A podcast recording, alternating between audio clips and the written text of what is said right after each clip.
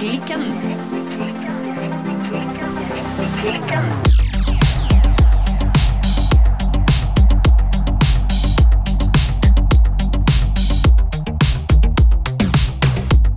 Hei, Birte. Hallo, Silje.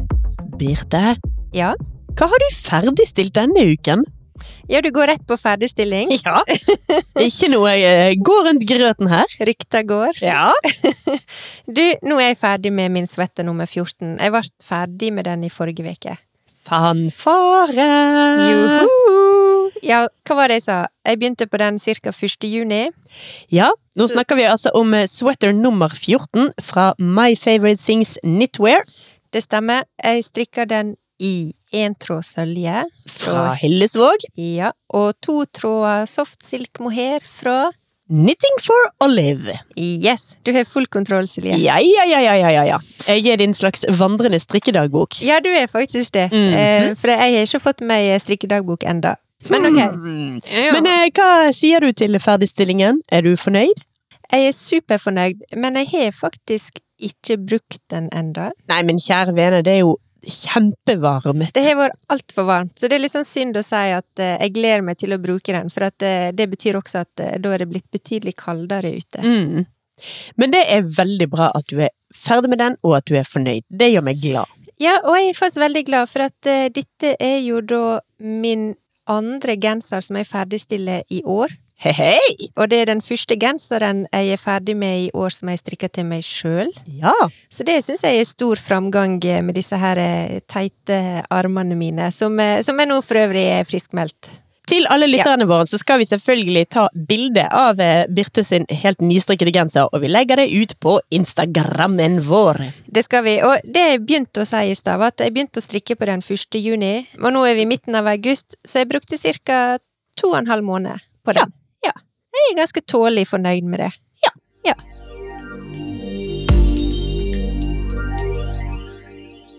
Og du Silje, hvordan går det med deg? Jeg har også ferdigstilt noe. Ja. Jeg har ferdigstilt sweater nummer 13. Ja, Også 13. er nummeret. ja, også fra My Favorite Things Knitwear. Ja. Den ble fin, den altså. Det eneste jeg har en liten disclaimer på, at jeg tror jeg har sagt tidligere at den strikkes i halvpatent. Ja. Det gjør jo ikke det. Det er jo perleribb. ja. Rett skal være rett. Rett skal være rett. Hvordan er den i eh, konsistensen, vil du si? Altså, jeg har vasket den. Den henger til tørk as we speak. Jeg har Ja. ikke dampet den, og har derfor heller ikke prøvd den og sånn ennå. Så den som eh, tørker klærne sine, får se. Jeg forstår. Så hva skal du i gang med nå, da? Nei, nå eh, som jeg annonserte forrige uke, nå skal jeg begynne på det her scarf nummer én. Ja. Også fra My Favorite Things Knitwear. Som jeg sa om eh, balaklava, hadde vi hatt ei krone for hver gang vi sa My favorite things knitwear. Så hadde vi blitt veldig rike. Da hadde vi blitt veldig rike. Men dette scarf nummer én Jeg har jo egentlig ganske mange ting på strikkelista mi som har hopa seg opp eh, i denne her eh, betennelsesperioden. Men nå hadde jeg lyst på et litt sånn lite prosjekt før jeg hoppa videre på strikkelista mi. Så det her er scarf nummer én. Det strikka jeg da i Veranita fra Queen Fiber. Mhm. Det er et garn som er da 79% kasjmir og 21% silke. Skikkelig snopegarn, rett og slett. Og jeg strikka det i to tråder, men jeg trengte bare ett nøste, for det at eh, på 25 gram så får du 300 meter. Så det håper jeg, eh, det håper jeg skal gå bra. Ja. Men vi må snakke om noe. Ja. Vi må snakke om, eller snarere, vi må slutte å snakke om My Favorite Things Knitwear. Ja, jeg er delvis enig i det. Ja, for nå har vi altså Vi har jo spøkt flere ganger med hvor mange ganger vi har sagt Petit Knit, og hvor mange ganger vi har sagt My Favorite Things Knitwear. Og hvor mange ganger vi har strikka ting fra disse to flinke strikkedesignerne. Ja, men Ja. nå er det stopp. Ja. Rett og slett stopp. Nå har til og med en av lytterne våre called us out på it via Instagram. Ja. Så det vi har kommet fram til nå i Strikkeklikken, Ja. Ja. det er at en av oss rett og slett skal få forbud mot å strikke noe som helst fra disse to strikkefabrikantene. Ja, jeg veit dessverre faktisk hvem det må bli. Jaha? Ja, det må bli du, Silje. Er det jeg som ikke får lov å strikke fra disse Ja, to? faktisk. For Ja, ja. altså, jeg, har, jeg nevnte jo denne strikkelista mi. Mm. Men jeg har jo allerede, og for veldig lenge siden, vi snakker høsten 2020, kjøpt garn til flere prosjekter, deriblant både et fra Petit Knit og et fra My Favorite Things Knitwear, Ja. som jeg ikke har fått begynt på ennå. Nei. Nei. Mens strikkelista mi er jo som vanlig litt eh, tom og hoppende og eh, bestemmer meg for én ting, og det blir noe annet. Jo, men du er ovenpå, sånn sett. Jeg ligger langt bakpå. Ah, jeg, jeg skjønner, jeg skjønner. Nei, da får det bli meg, da. Ja. Så da, kjære lyttere, her lover jeg høyt og dypt og ærlig at jeg fra hva er vi nå, august 2021 til august 2022 ikke skal strikke noe som helst fra de to strikkedesignerne hvis navn jeg ikke engang skal nevne flere ganger akkurat nå.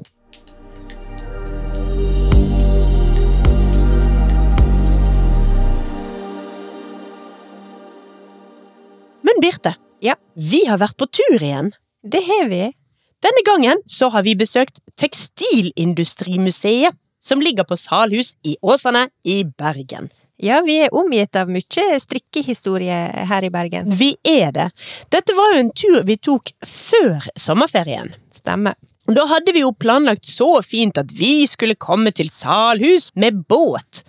Fordi at den helt opprinnelige måten å komme til Salhus på det Ja. Altså, det var elendig vei ut dit, helt fram til 1960-tallet. Men så var det jammen meg noe galt med båten min, så vi var rett og slett nødt til å kjøre bil isteden. Ja. Den gamle dampen gikk rett og slett ikke. Altså, jeg kan jo si at selv om dette var før sommeren, så var det veldig dårlig vær den dagen. Så eh, selv om jeg hadde gledt meg til denne her båtturen, så innerst inne var jeg også litt glad for at det ble bil, for det, det var ikke helt sånn båtforhold heller, strengt tatt. Nei, det var kanskje ikke det. Så vi kom altså til Salhus og den nå nedlagte Salhus trikotasjefabrikk med bil. Ja. Museet ble stiftet i 1992, da under navnet Norsk Trikotasjemuseum og Tekstilsenter. Og det ble da offisielt åpnet for publikum i 2001. I 2020 så ble hele fabrikkanlegget fredet, og museet skiftet da samtidig navn til Tekstilindustrimuseet. Tekstilindustrimuseet det holder jo til i de gamle fabrikkbygningene til eh, Salhus trikotasjefabrikk, og museet jobber med formidling, dokumentasjon og forskning på norsk trikotasjeindustri og tekstilindustri. Ja, vi dro altså til Tekstilindustrimuseet før sommerferien, og der fikk vi en spennende omvisning av Ellen Marie Fjære Risbruner. Nå er vi altså på Salhus, som ligger type ikke, 20 minutter med bil utenfor Bergen sentrum. Vi ser utover fjorden, utover disse her store, flotte og gamle fabrikkvinduene. Kan du Ellen, fortelle litt om stedet Salhus? Bygda Salhus ble jo på en måte bygd rundt fabrikken. Eh, Fabrikken ble etablert i 1859 som en av de første trikotasjefabrikkene i Norge. Eh, Og her i Salhus var det jo egentlig bare en, eh, et stoppested på vei til eller fra Bergen når man kom båtveien. Selvsagt skulle nordover eller sørover. Så her var det jo et godt grunnlag for å starte en fabrikk. Man hadde nærheten til sjøen for transport, og så var det også en elv her som var brukt som, som vannkilde. Dessverre ikke som vannkraft, men eh, som vannkilde. da. Så kunne man jo på en måte bygge et helt samfunn rundt fabrikken i og med at det var lite bebyggelse her, da. selv om det er litt sånn bratt terreng og ikke så, ikke så gunstige forhold på den måten. da. Ja, for vi må beskrive stedet litt. Grann. Salhus ligger i en bitte liten vik litt eh, nord for Bergen, like ved Nordhordalandsbroen. Her er det masse eldre hus. Der er også en del nyere, altså. Men stedet er vel bygget opp rundt den gamle trikotasjefabrikken, er det ikke det? Ja, de som eh, skulle begynne å jobbe i fabrikken her, de måtte jo ha sted å bo. eh, Og fabrikken tok det ansvaret å bygge en god del arbeiderboliger, sånn at arbeiderne kunne flytte rett inn der da, sammen med familien sine. Eller, eh, eller så kunne de også kjøpe seg en tomt som de fikk kjøpe billig av fabrikken, for fabrikken kjøpte da opp en del av gårdene som lå her. Og solgte da tomter rimelig til sine arbeidere. For det meste var det jo 700 ansatte i tekstilindustrien her, 350 i denne fabrikken, og like mange i eh, Salhus Veverier, som ligger litt eh, lenger borte her i bygda. Så det var jo et helt eh, samfunn rundt fabrikkene, hvor man hadde butikker, bibliotek, skole selvfølgelig. Samfunnshus, bank, post, bakeri. Ja, alt du egentlig trengte var jo her i Salhus. Men var det flest kvinner eller menn, eller til og med barn som jobbet her på fabrikken? Faktisk var ca. de 60% av de ansatte til enhver tid kvinner. og De har jo egentlig vært overrepresentert i tekstilindustrien og er jo fortsatt det i dag. Eh, mye pga. at de er rimeligere arbeidskraft enn menn, og også fordi at det å sy på en symaskin regnes som et typisk kvinneyrke. Også veldig arbeidskrevende prosess i produksjonen. da. Og så har du også jobba noen barn her. Dette, dette, er jo på 1800-tallet, så det er jo et stykke tilbake i tid. Men eh, barn nede i 6-7-årsalderen eh, har jobba i fabrikken her. Dette har jo opprinnelig het Salhus trikotasjefabrikk, selv om det nå heter Tekstilindustrimuseet. Men Ellen, hva er egentlig trikotasje? Godt spørsmål. Eh, mange lurer på hva det egentlig betyr. og Det er litt av grunnen til at vi har skifta navn på museet, for at det skal være lettere å forstå hva det egentlig dreier seg om. Da. Eh, men trikotasje er jo industristrikk, eller eh, tekstiler som er strikka på maskiner. Eh, så Det er store rundstrikkemaskiner som strikker en eh, stykke med stoff som da må klippes og så sys sammen. Og Trikotasje er jo ofte, kan det være undertøy, f.eks. T-skjorter, sokker, eh, joggebukser og collegegensere f.eks. Mens veverier på den andre sida produserte med skjorter og jeans og tepper f.eks. Så den, vi skiller ofte mellom de to typer fabrikkene. da.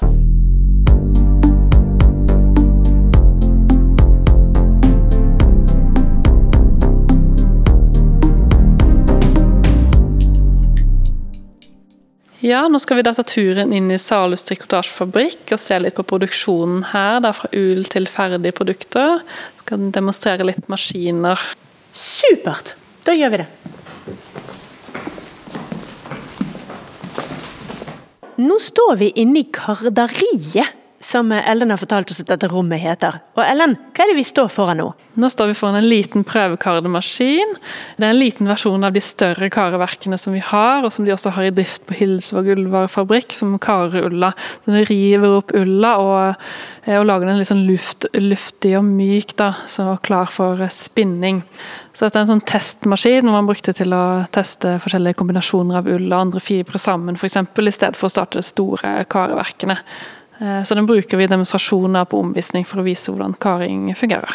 Ja, Vi står jo her eh, nå foran din her testmaskina, og nå skal Ellen sette den i gang og vise oss hvordan den virker. Oi! Bråkete!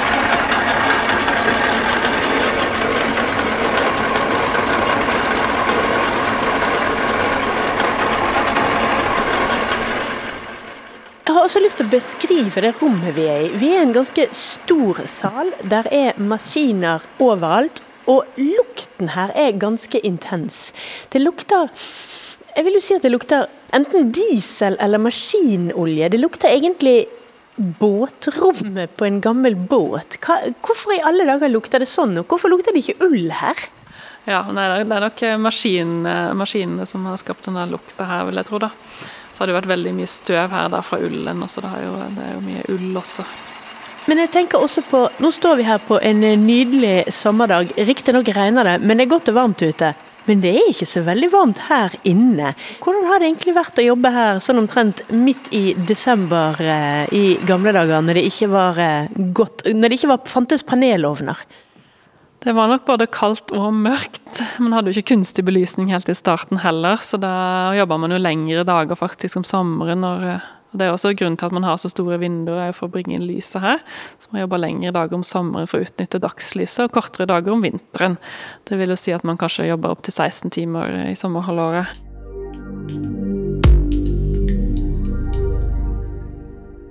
Men nå har vi kara, og hva skjer videre da? Hvor skal vi, hvor skal vi gå hen nå? Etter karing så kommer jo selvfølgelig spinning da, på spinnemaskinen som vi står ved siden av her. Og etter spinning så blir da eh, tråden eh, spolt for å tilsatt voks for å gjøre den litt smidigere og glattere for bruk. Og så er det neste sted, steg strikking. Så nå skal vi gå opp på strikkeloftet og strikke litt. Det blir gøy.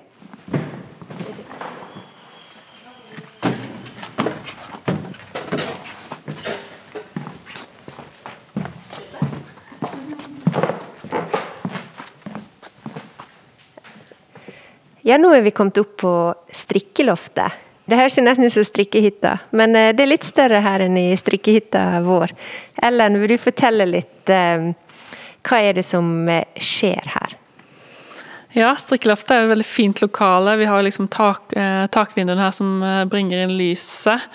Eh, det var også her flest menn i produksjonen jobba. Hvis du jobba med strikkemaskiner, så måtte du kunne litt om maskiner og gjerne ha litt utdanning, f.eks. ha gått på litt kurs og sånn. Og det var noe som mennene hovedsakelig fikk tilbud om, mens kvinnene var litt mer ustabil arbeidskraft fordi de gjerne fikk barn og slutta å jobbe og sånt. Så det var stort sett forbeholdt menn. I senere tid er det noen kvinner som har jobba her også, da.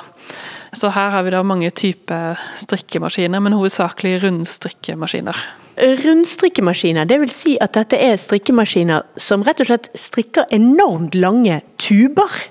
Det er riktig, de strikker rundt og stoffet da kommer ut som en tube som da må eh, etterbehandles, altså klippes og sys sammen til klær.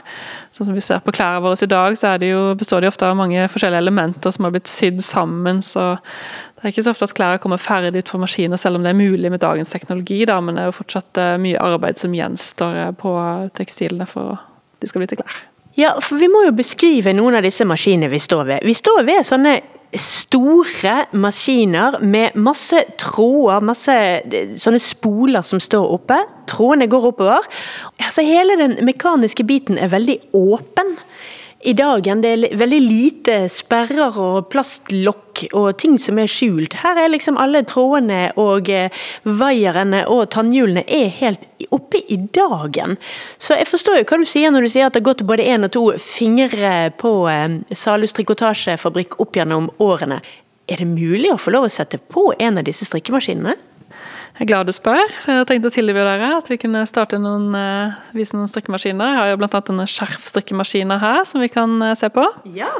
Så dette er en flatstrikkemaskin som strikker frem og tilbake. Det er en ganske enkel maskin egentlig, og litt sånn tilsvarende sånn som mange hadde hjemme, faktisk. Sånn i en periode på 60-70-tallet så vidt jeg har forstått at det var populært å ha strikkemaskiner hjemme. Mm -hmm. Så vi bruker den til å strikke skjerf som vi selger i museumsbutikker vår, som får liksom en ribbestrikk, da.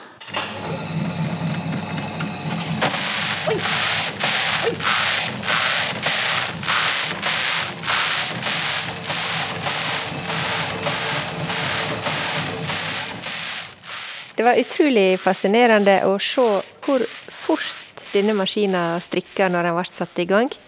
Ja, og dette er en eldre maskin, så altså, sammenligna med en dagens maskiner, så strikker den egentlig ikke så veldig fort. da. Men eh, det går jo mye raskere enn å strikke for hånd. det kan vi i hvert fall si.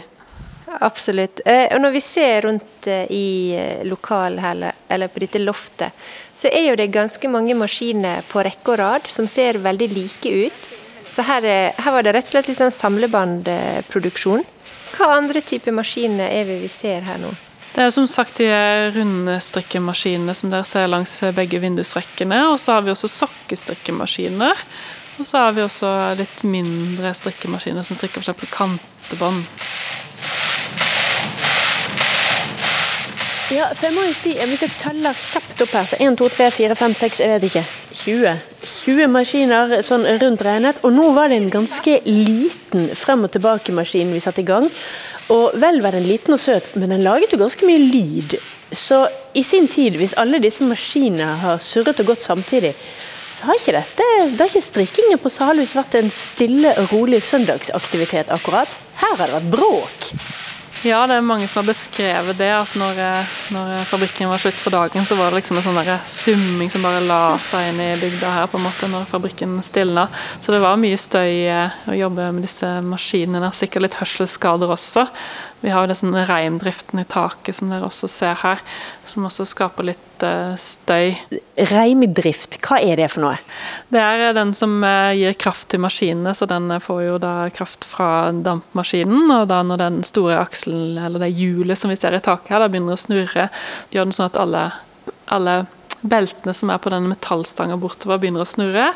Eh, og Da kan man altså starte alle maskinene som er tilknytta disse, disse reimdriften. Da. Så man kan starte og stoppe de, og det er også en smart måte å utnytte kraften på. Men eh, reimdrift er jo også veldig farlig hvis disse reimene løsner i drift. og Hvis man kommer borti det med løse klær eller hår f.eks., så kan man eh, miste litt hår. eller au.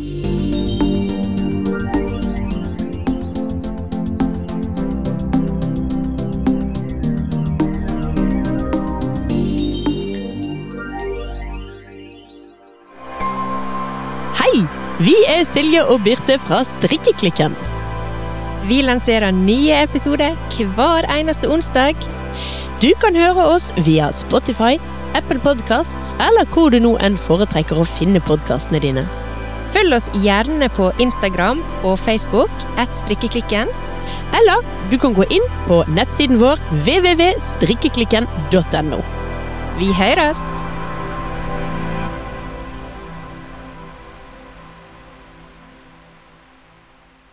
I ukens episode av Strikkeklikken har vi vært på besøk til Salhus og Tekstilindustrimuseet.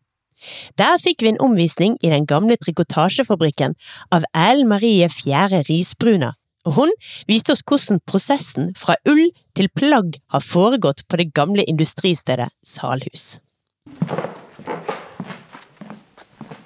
Ja, vi fortsetter vandringa på strikkeloftet, Ellen. Hvor skal vi gå her nå?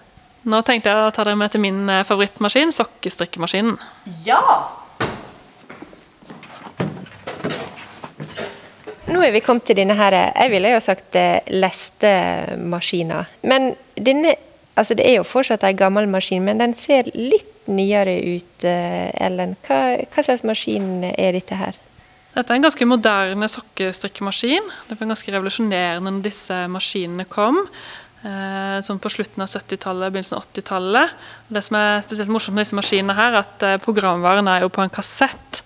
Eh, så mange tror jo at vi spiller musikk med disse maskinene, her, men det er altså programvaren, så da kan du bestemme farger og litt mønster på sokkene. da.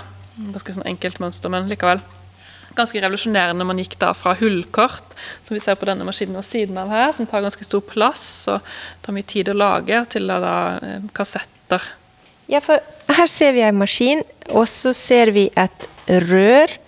Og så er det akkurat som om at det blir rett og slett bare sånn spytta ut en sokk ut i den her sekken eh, på nedsida av maskina her. Ja, det stemmer det. Det går litt mer effektivt eh, med disse maskinene her. Og den strikker jo også hælen, så den strikker jo på en måte sokken nesten helt ferdig. Må jo bare sy sammen eh, i tråda. Hvor lang tid bruker denne maskina på å strikke en, en sokk? Nå tenkte jeg skulle ta dere med å vise en sokkestrikkemaskin som vi faktisk kan starte. Så kan vi jo se hvor lang tid det tar. Yes! Så her har vi en eldre sokkestrikkmaskin fra 1950- eller 60-tallet. Kometstrikkeren kaller vi den. Den er produsert av Bentley, som også produserte biler, så dette er en engelsk maskin. Eh, og Den strikker også hæl eh, på sokken, og sokkene kommer ut som et sånn sokkeskjerf, faktisk. Så du må liksom klippe de fra hverandre og sy de sammen i hælen. Ja, altså Det som kommer ut herfra, ser jo ut som sånn litt sånn tøysete. Du vet sånn som klovner når de trekker fram et sånt endeløse rekke med skjerf. Og her er det altså en endeløs rekke med sokker som faktisk er sydd sammen foreløpig, eller strikket sammen. Ja, det, det, som sagt så er det jo ganske revolusjonerende med disse maskinene, da, som kan faktisk strikke hel, og, og du kan trikse den om til en tå. Da. Eh, Så litt etterarbeid gjenstår, da, men eh, det er jo en nesten ferdig produkt ut fra denne maskinen her. Er det hælen? Ja, nå strikker den enten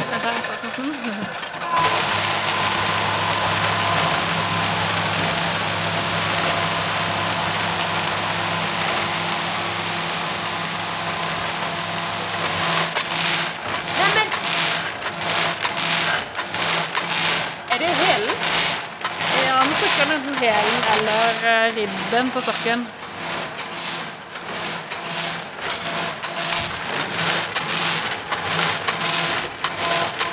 Her kommer det altså ut sokk i metervare.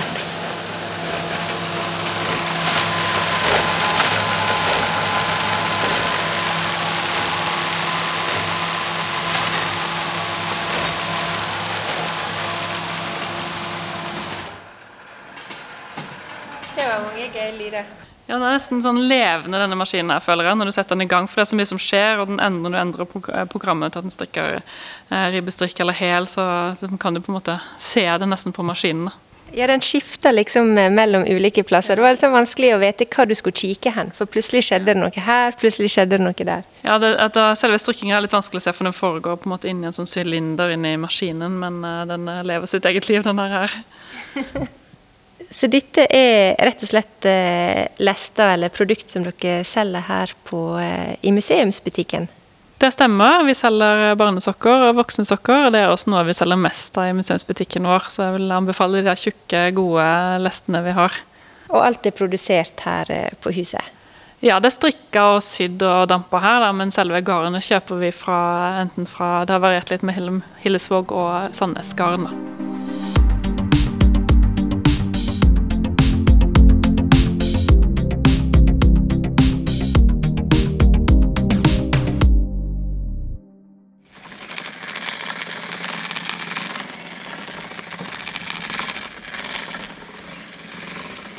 Alle dager! Ellen, hva, er, hva slags maskin er dette? Her har vi den bitte liten eh, rundstrikkemaskin, eller ikke så liten, da, men det er en liten rundstrikkemaskin. og Den viser jo hvordan strikkemaskinen strikkemaskiner har sett ut. Siden de ble funnet opp eh, på 1600-tallet, så var det jo det man brukte til å strikke strømper. Eksempel, helt til starten, så Det er egentlig den samme teknologien vi bruker i dag, bare at maskinene er blitt større og litt mer avanserte. Det som er ekstra spennende med strikkemaskiner, er at de er egentlig grunnlaget for eh, datateknologi i dag. Så det er jo starten på den industrielle revolusjonen og, eh, og datamaskiner og programmering med strikkemaskiner og sjakardveven. Ja, for altså der, Den strikkemaskinen du viste oss i sted, den var jo drevet med motor og var en liten bråkebøtte. Men denne her har en bitte liten sveiv, så du står og sveiver den med håndkraft. Ja, det hadde sikkert vært gull for alle de strikkerne som sitter der ute og hører på. Hadde en sånn håndstrikkemaskin som du kunne liksom bare strikke f.eks. Eh, øverste del på en sokk eh, veldig fort, og så strikke hælen på etterpå f.eks. Så det var jo en del håndkraft her faktisk eh, helt ut på 1900-tallet, hvor folk sto og sveiva på maskiner, så det var ikke helt fullmekanisk. Det var også en del hånddrift.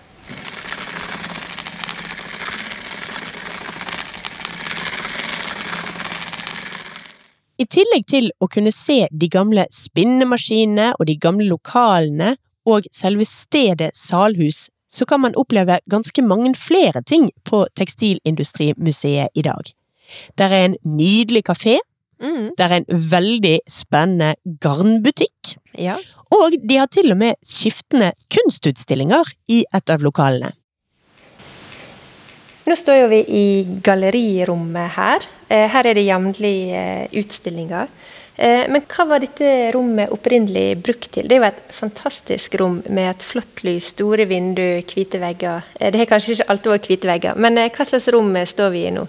Det har vært et produksjonslokale eh, som har eh, brukt til forskjellige ting, bl.a. sammenlegging, og jeg tror det har vært strikkemaskiner her, og også muligens eh, et syloft på et tidspunkt også. Så mm, fabrikken har jo vært eh, veldig sånn eh, endra seg mye, da, så lokalene har liksom flytta plass. Men nå er det altså Galleri Salus eh, som holder til her. Da. Det er vårt eh, galleri som da fokuserer på, mye på tekstilkunst, men også andre kunstnere. da.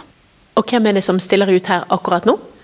Nå er det to eh, separate utstillinger. Det er Aud Bekkelund med utstillingen 'Ferd', og så er det Anne Tveit Knutsen med 'En blir ikke vane med det'. Så det er to utstillinger da, som uh, utgjør Galleri Salus i sommer.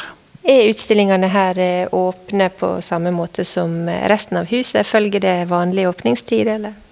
Ja, vi har vanlig åpningstid i galleriet, så det er bare å komme og kikke her. Og man kan også gå på egen hånd, selvfølgelig. Men i Salus trikotasjefabrikk må man ha med seg en guide da, for å komme inn. Men Ellen, på vei opp hit så gikk forbi noen skilt om at her var det forbudt å gå inn fordi det var funnet asbest. Er det asbest på Salhuset nå?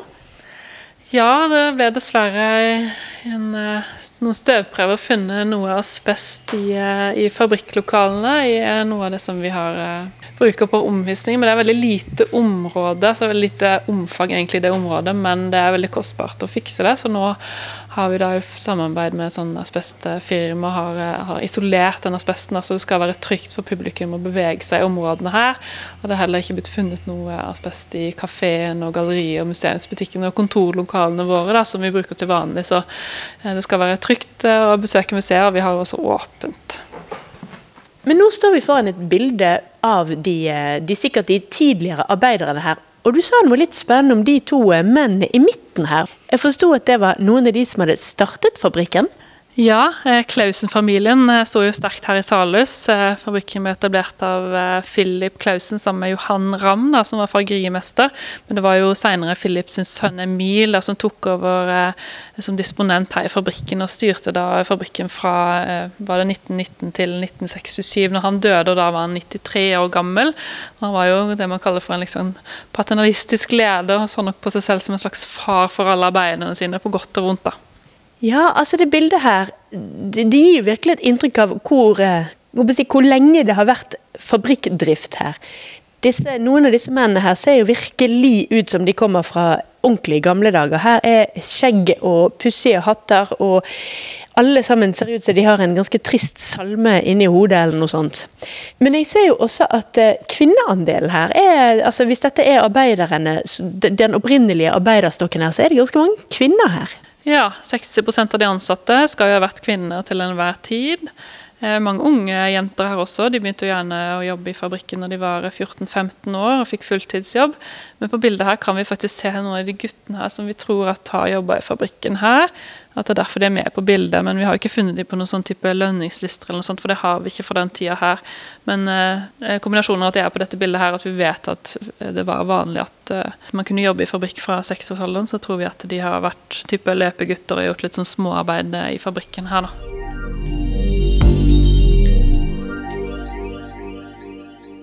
Så vidt som jeg har forstått, det, Ellen, så er jo du også grunnleggeren og initiativtaker til eh, Bergen strikkefestival. Det stemmer. Det var en litt sånn sprø idé jeg kom med til sjefen min for uh, vel fem-seks år siden. At uh, hvorfor kan vi ikke ha en strikkfestival her, da, i Bergen? Strikkefestivaler i Oslo og uh, mange større byer i utlandet, mens Bergen er jo på en måte en viktig by for tekstilindustrien. Og vi har jo også store lokaler som kunne liksom vært et fint sted for en festivalarena. da. Eh, så hun syntes jo det var en uh, litt sprø, men morsom idé, så vi bare kjørte på, og det ble en stor suksess uh, i 2016. Og så har vi jo da fortsatt siden, altså nå er vi jo på sjette året, blir det vel da, i 2021. Bergen strikkefestival 2021 finner sted fra 1. til 3. oktober på Tekstilindustrimuseet på Salhus. Da blir fabrikken fylt med garn, strikkere og god stemning. Denne festivalen er jo igangsatt av Ellen Marie. Det stemmer. Og hun har jo faktisk også invitert oss, nemlig Strikkeklikken, til å komme og ha en liveinnspilling under Bergens Bergen strikkefestival. Og det skal vi gjøre lørdag 2. oktober klokken 15.00. Ja, altså eh, Strikkeklikken gjør ting som vi aldri har gjort før. Det gjør vi. Så da kan vi jo si til lytterne våre at da er det fint lov å komme til Tekstilindustrimuseet, se oss spille inn podkast, og gjerne heie litt på oss. Altså, festivalen i år blir jo arrangert 1. Eh, til 3. oktober. Ja. Og vi skal jo, som du da nevnte, vi skal ha liveinnspilling eh, lørdag 2. oktober. Jepsi pepsi. Jeg kjenner på meg at eh, jeg håper jo at det kommer masse folk, jeg. Klart det! Her skal vi gjøre de tingene vi gjør aller best, nemlig strikke, snakke, podde og møte folk samtidig. Det blir tipp topp!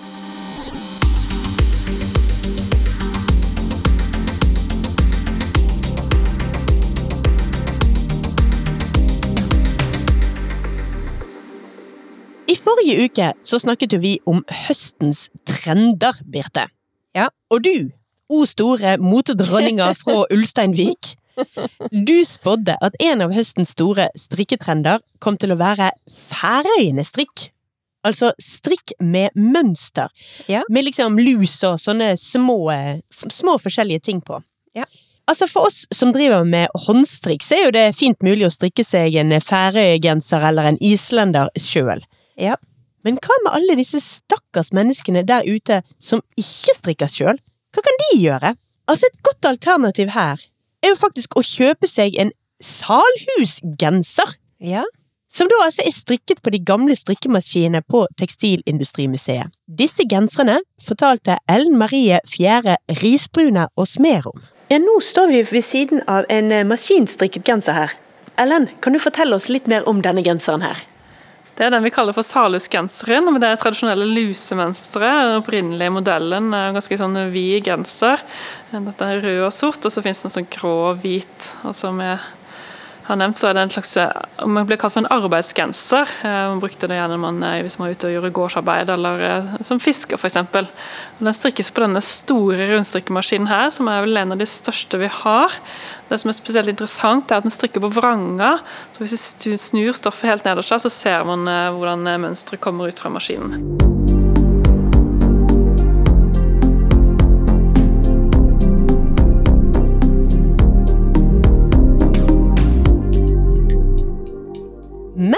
Ellen Marie Fjære Risbruna, som altså viste oss rundt på Tekstilindustrimuseet. Ja.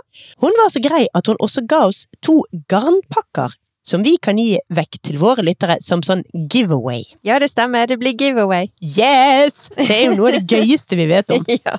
Så da er det bare til å gå inn på Instagram-kontoen vår og se hva man skal gjøre for å få disse her garnpakkene. Ja. Og Ellen Marie fortalte oss mer om disse garnpakkene som Strikkeklikkens lyttere kan vinne. Ja, vi har dette museumsfinngarnet som vi produserer her, så vi lager jo også litt eh, strikkemønstre til det. Så den ene garnpakken er eh, garnpakke på museumstvinnlua i tre ulike farger. En sånn blå, en litt mer sånn karrigul kanskje, og en litt mer brun farge. Mm -hmm. Og den andre pakka er en vottepakke, og den eh, Oppskriften ble utarbeida sammen med Birger Berge til Bergen strikkfestival i 2020. Han er jo en lokal eh, designer her i Bergen. Så han har laga en vott som heter Bergen Husvotten, som er en veldig fin eh, mønstervott med farger på denne mansjetten. Så den er en klassisk sort og hvit mønster, og litt mer sånn rød og rustrød og blå i mansjetten. Ja, det er jo kjempefint. Altså, Denne votten som vi får en garnpakke til her, den er jo i størrelse herre. Men må det bli størrelse herre for det om? Nei da, i pakka så får du eh, oppskrift på alle størrelsene. Så du bare for sikkerhets skyld sånn at hvis det er en herre som vinner denne her pakka, så kan han også strikke votter til seg sjøl. Så alt du trenger å gjøre altså for å bli med på giveawayen, det er rett og slett å gå inn på Instagrammen vår, at strikkeklikken, og så bare følge instruksjonene der.